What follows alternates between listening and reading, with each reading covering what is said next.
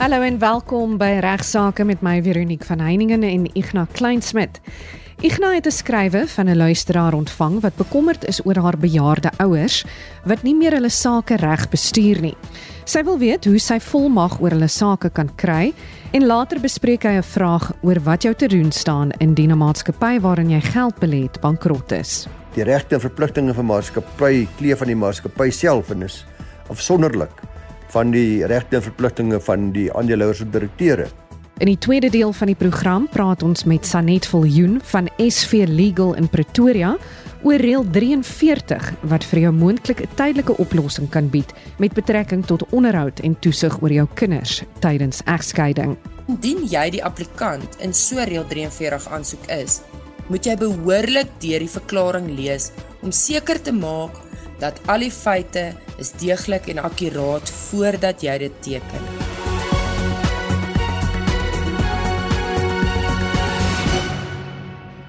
Ons kop die program nou dadelik af met Ignas se raad oor volmag na aanleiding van 'n bekommerde dogter van 'n bejaarde egpaar. Ja, hartlike goeiemôre vanaf my aan jou Veronique en ook aan Amorey en sommer almal wat luister vandag. En natuurlik ook weer eens sommer dankie aan die Prokureursorde van Suid-Afrika namens wie ek aan hierdie program deelneem. Soos u weet, probeer ons as Prokureursorde van Suid-Afrika om die reg meer toeganklik te maak vir u as luisteraars en hoop ons dat ons daarin slaag. Eerstens kry ek 'n skryf hier van Delia van Graan van Kaapstad. Sy skryf dat haar ouers nog in hulle huis te Bloemfontein woon en weier hulle volstrek om te verhuis na 'n aftreeoord of 'n plek van versorging. Nou wat daar meer pla sê sy dis duidelik dat hulle nie meer in staat is om na hulle eie sake om te sien nie en om hulle eie sake te bestuur. Sy gee 'n paar voorbeelde soos onder andere dat hulle vergeet om die water en ligte te betaal, dat hulle vir 'n lang ruk sommer in duisternis lewe terwyl hulle dit kan bekostig. Sy sê dat onder andere trek hulle van tyd tot tyd groot bedrae kontant en kan hulle glad nie verduidelik wat hulle daarmee gedoen het nie. Haar pa is 78 en ma 76. Sy sê wat nou, wat kan hulle doen? Ons het al voorheen soortgelyke gevalle bespreek, ek dink jare wat gelede en maar ek het 'n paar ander skrywers ook dat dieselfde strekking ontvang van kinders wat baie bekommerd is oor hulle ouers. Nou soos die pad van die lewe loop sien ons gereeld hoe naasbestaanes fisies en emosioneel verswak. In baie gevalle is dit natuurlik ouers wat nie meer in staat is om hulle eie saakie finansies te bestuur nie, soos in hierdie geval. Baie dikwels maar weens ouderdom of demensie of 'n siektetoestand. In baie gevalle is dit bloot verswakte persone wat wel by hulle volle bewussyn is, maar hulle het steeds hulle kinders of ander mense se hulp nodig. Dis in hierdie gevalle dan wat 'n volmag om die verswakte by te staan heeltemal goed genoeg is. Dis meer as voldoende. Maar die probleem is gewoonlik wat gebeur as die persoon glad nie meer by hulle volle bewussyn is nie. Dis nie kompensmentes is nie glad nie meer die vermoë om hulle eie sake of eie besluite behoorlik te neem nie. Baie beperkte handelingsbevoegd is met ander woorde. Nou in sulke gevalle luisteraars het ek al voorheen gesê vervalle volmag onmiddellik en sal 'n volmag dus nie voldoende wees nie. 'n Kurator sal vir hierdie persoon aangestel moet word. Nou die doel van 'n kurator is om 'n persoon se finansies en sake te bestuur. Dit is 'n nou kurator bonus tot voordeel en in die belang van daai persoon. Hy word ook formeel deur die hof aangestel, hy of sy, en is gemagtig om alle nodige besluite te neem en uit te voer wat so 'n persoon normaalweg self sou kon doen. Nou hier het vir u natuurlik baie vrae wat ek gaan poog om kortliks te antwoord. En die eerste belangrike vraag is wie moet nou die hof nader vir die aanstelling van so 'n kurator? Nou die antwoord is dat enige persoon wat 'n belang het in die pasiënt se lewe, dis 'n gade of kinders of naasbestaanes hierdie hof aansoek kan bring. En dit kan ook gebring word in die Hooggeregshof in die gebied waar hierdie persoon woonagtig is. Dis gewoonlik in die geval van uh bejaardes een of meer van die kinders wat die aansoekers is Belangrik natuurlik vir my is dat die kinders moet saamstem oor wie die kurator moet wees en dikwels is daar maar twis en daar's ook baie keer beweringe van motiewe wat duister is en dat een of ander kind die finansies van die ouers wil kaap ensovoorts maar dit is duidelik in hierdie geval van ons luisteraars is dit nie so nie want die tweede vraag is hoe werk hierdie hof aansoek? Nou daar moet minstens wat my betref twee mediese verslae verkry word wat bevestig dat hierdie persoon of hierdie pasiënte dan nou nie meer in staat is om sy of haar eie sake nou om te sien nie, eie besluite te neem nie, nie meer kompensmentes is nie. Die ideaal is indien een van die verslae ten minste deur 'n psigiater of 'n neuroloog opgestel is. Hierdie twee verslae kan die naasbestaanes dan neem na 'n prokureur toe wat hulle dan sy help met so hofaansoek en so hofaansoek sal nie net die pasiënt se geestesongesteldheid aanspreek nie, maar sal ook vir die hof agtergrond gee oor die sake en die finansies van die pasiënt eh, wat dan deur 'n kurator bestuur moet word. En as die aansoek dan nou by die hof voorkom, by die eerste verskyning sal die hof die kurator ad litem aanstel. Hierdie kurator ad litem is in die meeste gevalle advokaat of prokureur en sy of haar doel is om namens die hof 'n bondige ondersoek te doen om te bepaal of dit wel in die pasiënt se belang is om so 'n kurator bonus aan te stel. Die kurator adlitium sal ook kyk na die bona fides en die bevoegdheid van die persone wat hulle self beskikbaar gestel het om aangestel te word as 'n pasiënt se kurator en uh die hof aansoek sal dan weer vir die hof dien en dan by hierdie verskyning sal die hof dan kyk na hierdie ondersoek deur die kurator adlitium en dan besluit as die hof tevrede is om die kurator bonus aan te stel en die meester sal terselfdertyd dan ook 'n brief gee van kuratorskap wat hy uitreik aan die kurator bonus. Van daar af dan sal die kurator bonus dan die pasiënt se sake bestuur. 'n Volgende vraag wat opduik is wie kan hierdie kurator bonus wees? In baie gevalle is dit eh, 'n uh, prokureur, maar ek persoonlik hou meer daarvan dat die kurator bonus kan ook 'n gekose familielid wees wat bevoeg is en uh, wat dan na die pasiënt se belange kan omsien. Dit kan selfs ook dieselfde persoon wees wat dalk vroeër in die pasiënt se lewe 'n volmag gehad het. Die kinders, soos ek sê, behoort saam te stem en saam te gesels oor wie die regte kurator bonus moet wees. Wat die kostes en tydsduur betref, dit vat 'n hele klompie maande gewoonlik, so 3 tot 5 maande in ons ervaring by ons hof in Mahikeng en ook in Pretoria, maar dit kan ook baie langer duur. Daar's baie keer dinge wat voorval wat uh, veral ook wat die verslag van die kurator atletem ophou.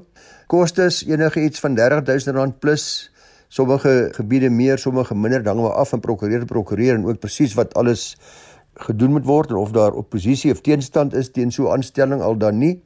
En uh, dan natuurlik die kostes van die kurator bonus self, sodra hy aangestel is, sal afhang van uh, die tyd wat hy of sy gebruik om na die finansies en die sake van die persoon namens wie hy of sy aangestel is om te sien. Ek hoop dit beantwoord ons luisteraar se vraag maar dis duidelik dat Delia moet maar so gou as moontlike prokureur gaan sien en dan dien sy ander sibbe het dan saam met hulle besluit of hulle kurator bonus wil laat aanstel. Nou ja, Ignas, sal jy asseblief vir ons luisteraars meer kan vertel oor die brief wat jy van Vincent Stevens van Oos-London ontvang het? Ja, die epos van die Vincent Stevens daar van Oos-London sê dat hy het probleme met 'n maatskappy met wie hy vir 'n geruime tyd al besigheid gedoen het Hy sê dat dit het nou gebleik dat daar skelmstreke was en uh nou dat hy 'n klomp geld verloor het en die maatskappy aanspreeklik wil hou, trek die twee direkteure maar bloot net skouers op en sê dat ongelukkig is hierdie maatskappy bankrot.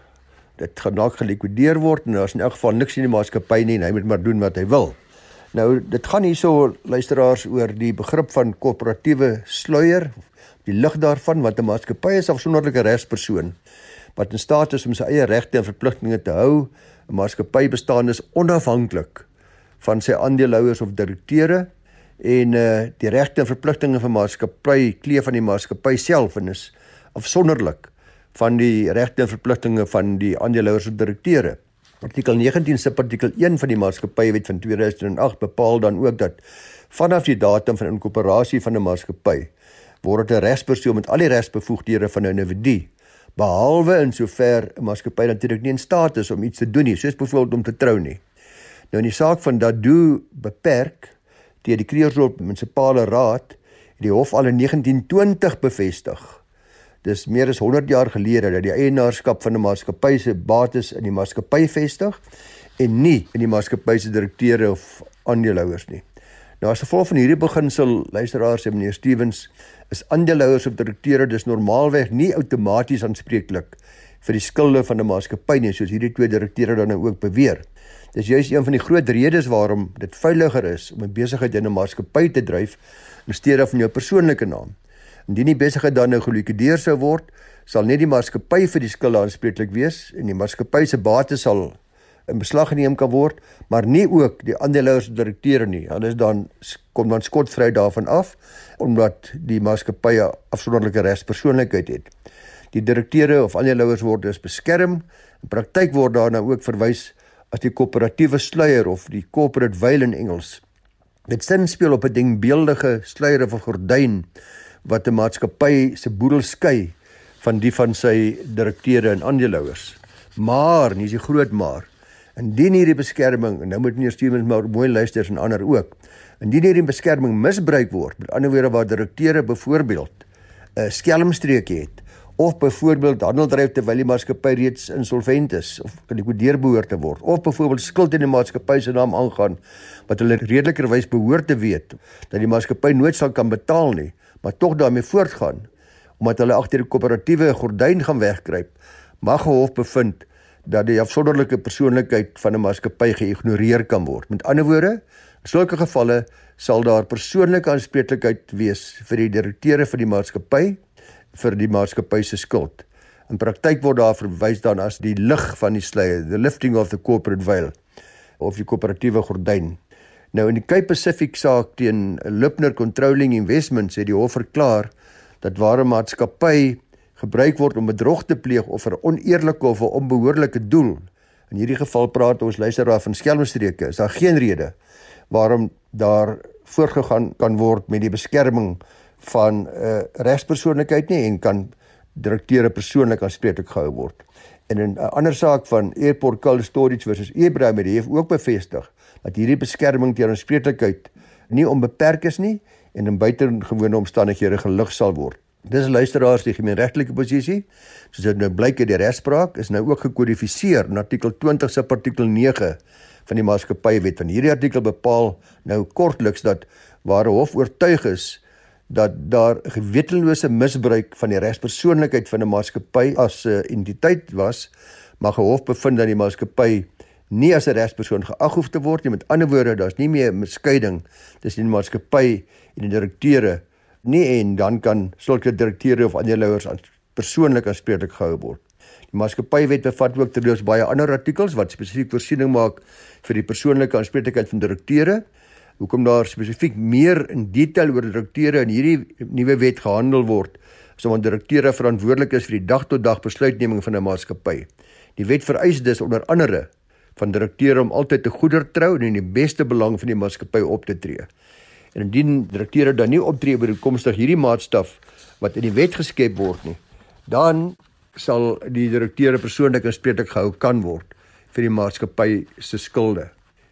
Nou hierdie maatreëls is deur die wetgewer daargestel luisteraars om skuldeisers soos ons luisteraar, meneer Stevens en ander partye te beskerm teen direkteure wat roekeloos en terkare trou besigheid doen. Dit maak dit moontlik vir skuldeisers om hierdie direkteure dan aanspreeklik te hou en hulle deure te gaan klop vir die skuld wat hulle nie by die maatskappy nie kan betaal nie. Die hof sal egter soos ek reeds gesê het dit net in sonderlike gevalle oorweeg en elke saak sal op eie meriete gehanteer moet word maar meneer Stevens my advies aan u is gaan sien maar dadelik 'n prokureur om te bepaal of u dalk hierdie twee direkteure wat agter hierdie gordyn wegkruip persoonlik kan dagvaar. Dit dan dan my deel van hierdie program regsaake vir vandag af en ek luister graag saam met u almal na Veronique en haar spesialis gas. Groetnis. Dankie soos altyd aan jou Ignas vir jou bydrae tot vandag se program. Ons praat nou met Sanet Viljoen van SV Legal in Pretoria.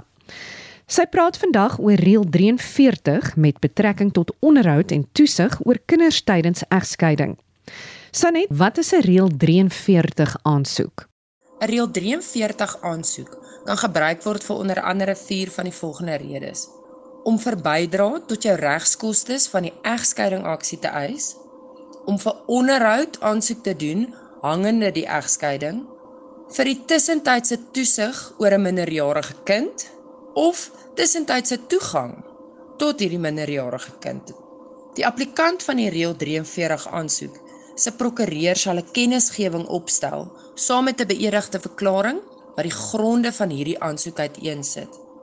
Dit is baie belangrik vir die luisteraars om te weet dat indien jy die applikant in so reël 43 aansoek is, moet jy behoorlik deur die verklaring lees om seker te maak dat al die feite is deeglik en akkuraat voordat jy dit teken, sodat dit nie weer lê kan word op 'n latere stadium nie. En daarna volg die normale roete waar dit beteken word op die ander party. Daardie party het dan 10 dae om te reageer en daarna word daar dan 'n hofdatum gekry waar hierdie aansoek aangehoor word deur 'n regter in die Hooggeregshof. Wanneer word 'n reël 43 aansoek gebring? Eerstens wil ek dit baie duidelik maak dat dit nie slegs die vrou is wat 'n reël 43 aansoek kan bring nie. Die publiek is soms onder 'n groot wanpersepsie dat dit altyd die vrou is wat eis vir onderhoud en wat aansoek doen vir toesig oor die kinders. Dit is glad nie so nie. Die man mag ook aansoek doen vir onderhoud. Ons sit tans in 'n situasie waar baie huishoudings die vrou 'n suksesvolle besigheid bedryf en die man dalk gaan aansoek doen vir onderhoud. Of waar pappa gaan aansoek doen vir toesig oor sy kinders. Enige party kan aansoek doen vir 'n reël 43 bevel.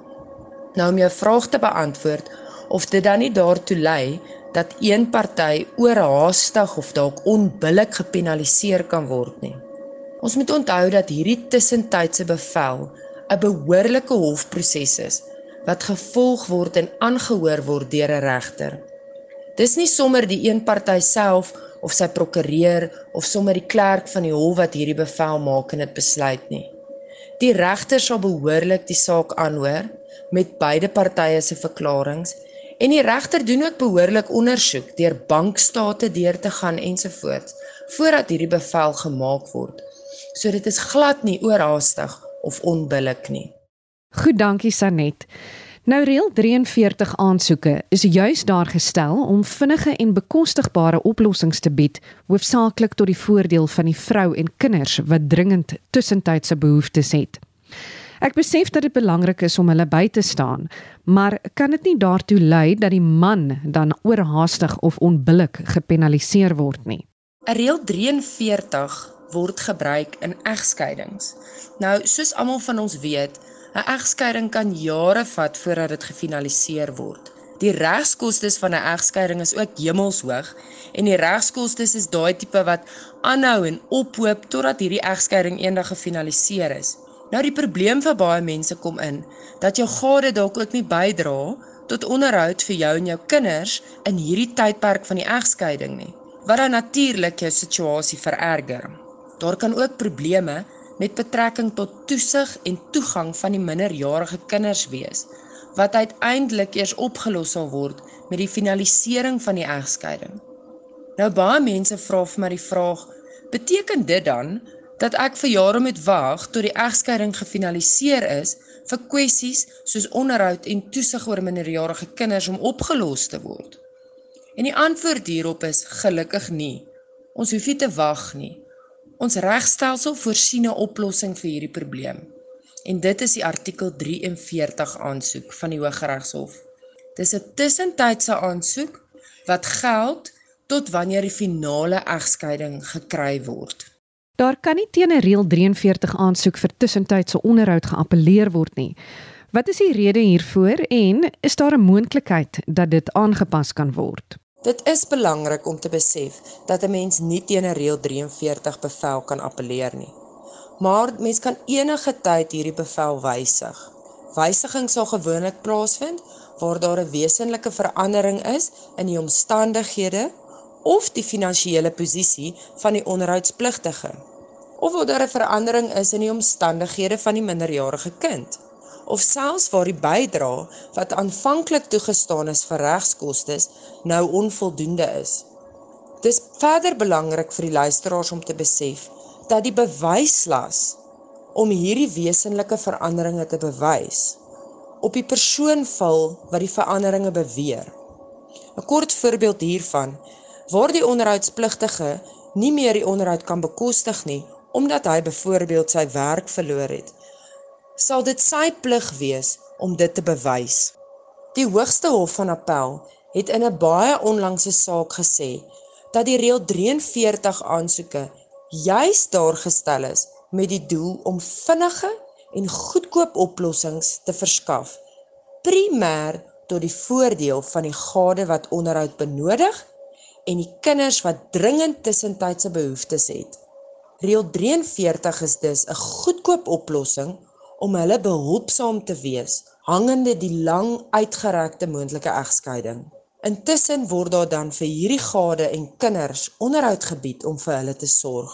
Die hof het baie duidelik in hierdie saak aangevoer dat die feit dat daar nie geappeleer kan word nie, juis is om vertragings en onnodige kostes te bespaar en om appel in hierdie reël toe te laat, sal die hele doel van hierdie reël verydel.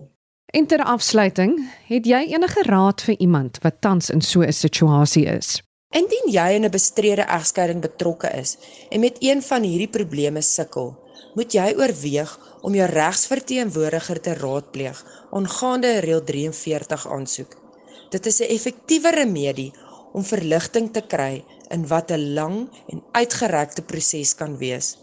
Dit verminder ook die kanse dat een party benadeel word waar hy of sy nie die finansies het om die regskoste van 'n uitgerekte egskeiding te betaal nie. Baie dankie Sanet Viljoen van SV Legal vir jou deelname in vandag se program en natuurlik baie dankie aan Ignas Kleinsmid.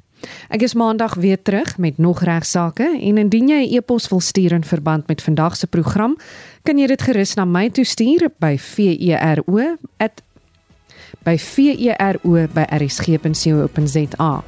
Van my Veronique van Heiningen groete tot volgende week.